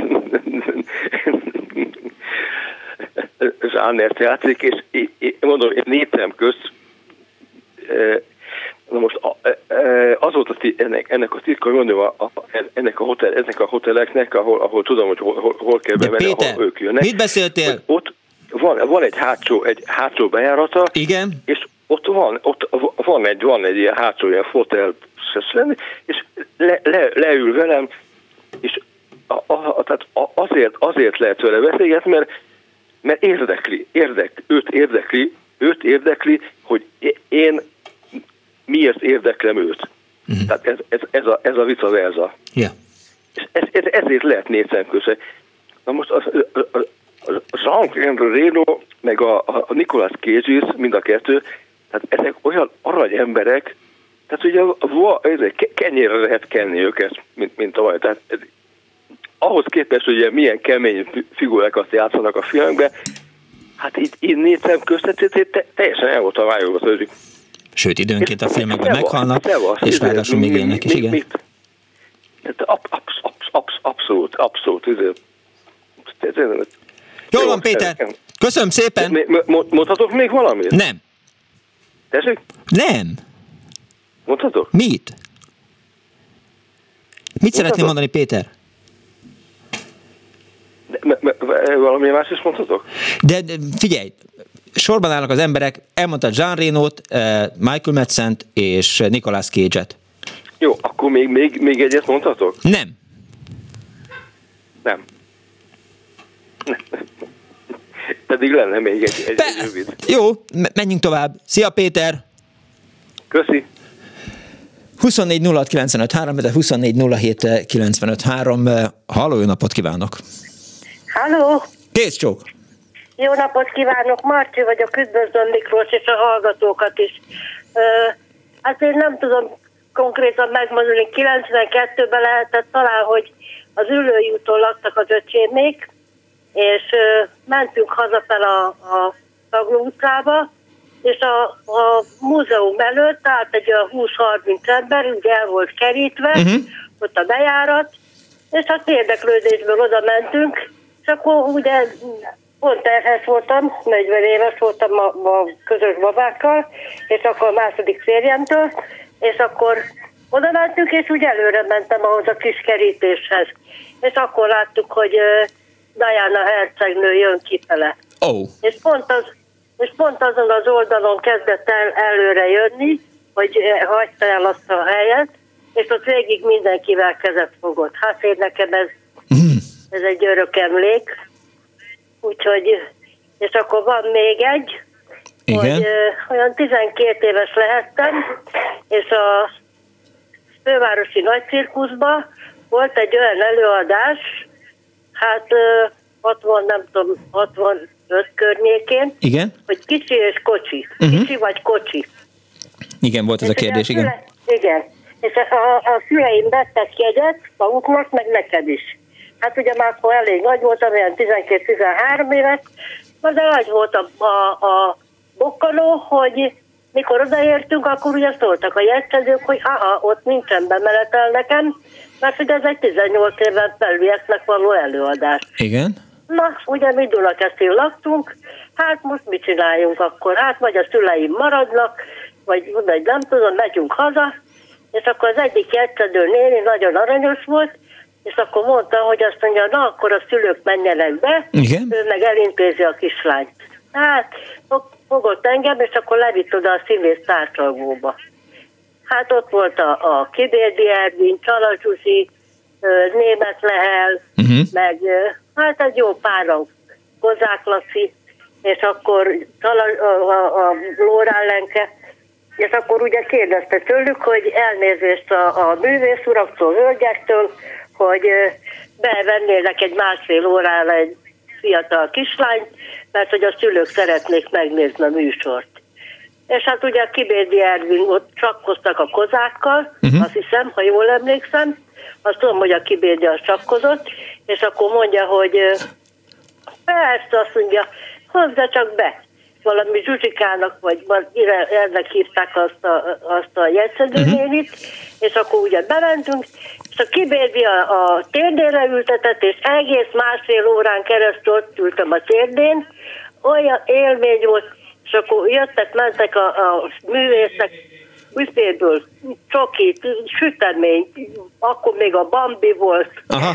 úgyhogy olyan jó dolgom volt, jó, jobban örültem a, a, izének a műsornak, mint a szüleim. Hát eh, azt el is hiszem, Kibédi Ervin térdén lovagolni, én magam is. Mint megtettem hogy volna. nem, nem kellett, nem, nem mentem be, úgyhogy jobb, jobban örültem neki. Na hát így találkoztam aztán ezekkel, ezekkel a híres emberekkel, úgyhogy én, én másnap egy hétig mondtam az, általános iskolában, hogy én hol jártam nekivel. És milyen hogy most elmesélte nekünk. Igen, igen. Kész Hát, csókom. Már igen, csak 50-60 éve lassan. Köszönöm szépen, hogy hívott. Én köszönöm szépen, szép napot! Átadom. Halló? Átadom, köszönöm a napnak. Eh, Azt Minden jót, viszont Viszont hallásra. hallásra. 2002-ben több klubrádiós híres emberrel nyaraltam együtt Egyiptomban, Gulyás Erikával, Kunzsuzsával és Piko Andrással. Nagyon-nagyon emlékezetes nyaralás volt, írja Anna. Azt írja egy hallgató, hogy szeretettel gratulálok, ú, de jó, az Aranyzebra díjasoknak, Selmeci Jánosnak és Szénási Sándornak, ő a közönség díjas. Hát, ez tudod, kedves hallgató, vagy tudják, kedves hallgatók, én sem tudtam, és miután nem követtem most az eseményeket, ezért nem tudtam, hogy ki a, a, a nyertes. Az előbb a Huamból próbáltam kihúzni, mondtam, hogy figyelj, úgysem mondom el, hagyjál már békén. Nem, nem mondhatja el. Jó, akkor titkolózzák, majd holnap reggel nem beszélgetek veled. Na, azt írja a hallgató, én is gratulálok egyébként Selmeci úrnak is, meg Szénási úrnak is. Szénási urat helyettesíti, holnap reggel pálinkás, vigyázzanak vele, ő lesz reggeli gyors. 2000 Egyben Párizsban Catherine Dönöv vásárolt tőlem, másnap kicserélte, hosszabban, érdekesebb, de nincs idő, írja a hallgató. Jó napot kívánok! Halló! Halló, jó napot kívánok! Kész csókom! Kocsi Zoltánné vagyok. Én vagyok az adásban? Igen, ön tetszik lenni dietetikus voltam, és kórházba dolgoztam, és ott találkoztam néhány híres emberrel. A legrégibb emlékem Káldinórához fűződik. Uh-huh. Sajnos ő nagyon hamar elment fiatalon, és nagyon beteg volt már, mikor találkoztam vele, de olyan emlékeim vannak róla, hogy végtelen türelemmel és, és viselte a betegségét, és nagyon egyszerű, jó lélek volt. Uh-huh. Úgyhogy csak szép emlékeim maradtak róla. Ugyanígy kórházba találkoztam Orvai Istvánnal, aki a rendezője volt a Vix Színháznak, úgy szintén egy kedves ember volt, és reggel éppen vért vettek tőle a nővérek, én nem láttam, hogy kit csapolnak éppen, és bekiabáltam a nővérállásból, hogy kislányok, ez az úr, mert néztem az átadót a Horva István a Víg Színház rendezője, mire kiszólt ő maga a vérvétel közben, hogy igen, a, a Víg Színház rendezője. Úgyhogy én meg beszóltam neki, hogy én meg a diétás nővér. Úgyhogy nagyon kellemes ember volt ő is, de már sajnos ő sincs köztünk. A másik Kis Péter volt, az MSZP képviselője. Hát ő elég sokat járt be a kórházba, sokat feküdt benn is, mielőtt meghalt szegény. Hát olyan udvarias, kedves, szimpatikus ember volt, hogy így, mint politikusról nem is gondoltam volna, mint mikor megismertem személyesen. Értem. Aztán azt még nem mondtam, hogy miután Újlipótvárosban lakom 50, több Igen? mint 50 éve, amikor megjelent Beheri Vánnak az új, a Lipócia, új Lipócia Igen? könyve, hát természetesen megvettem. És mit látok benne? Az egyik fényképen az én unokám van, ahogy megy a Pozsonyi vagy a Panónia utcai zeneiskolába, hátán a kék tokú gitárjával. Aha. És amikor Beheri Ván kiült a lángpépához dedikálni a könyvét, nevét, akkor elvittem az unokámat is, mert megismertük, hátulról volt ugyan a képen, de teljesen látszott, hogy ő az, és akkor a fotóművésszel meg, meg Beher Iván is dedikálta nekünk az új Lipócia könyvet. Köszönöm szépen, hogy hívott. Hát én is köszönöm, hogy elmondhattam viszont hallásra. Viszont hallásra. És az utolsó hallgató a mai műsorban. Jó napot kívánok! Halló! Jó napot kívánok! Üdvözlöm! Egy filmforgatáson dolgoztam, mint statiszta, és a Csodálatos Júlia forgatásán az ebédelő busznál kiültünk kávézni az ebéd után. Aha. Egyszer csak megjelent a film rendezője, akit nagyon-nagyon tisztelek, és Jeremy Irons. Megkérdezte, hogy leülhetünk? Igen. Rágyújthatok? És egy hosszú-hosszú szivar meggyújtott. Ezt a emberi közelítést azóta sem tudom elfelejteni. Köszönöm szépen, hogy meghallgattak. Nagyon mély hatást gyakorolt önre ez. Igen, hát azóta is ennek a hatás alatt vagyunk. Köszönöm Ebben szépen, hogy hívott. Rövid történet volt, de szép. Köszönöm szépen, hogy meghallgattak. Viszont hallásra. Viszont hallásra. Nos, a mai műsor szerkesztője Árva Brigitta volt, létrehozásában segítségemre volt Kis Mária a telefonnál, aki nem mesélte el a, a Lolo Brigidás történetet, mert olyan sokan telefonáltak, és pálinkásan készítette a videót. A gomboknál Kemény Dániel vetette észre magát, és köszönöm szépen Kardos Józsinak is a segítséget. Egy hét múlva is lesz Annó Budapest, vigyázzanak magukra. Most egy kicsit belenézek a, a híres emberes Surfszola Fesztiválba, és, és aztán majd találkozunk egy hét múlva. Kellemes hétvégét, meg mindent. Tudják jól. Hmm. Give peace a chance, Putyin, rohagy meg. Véhallás.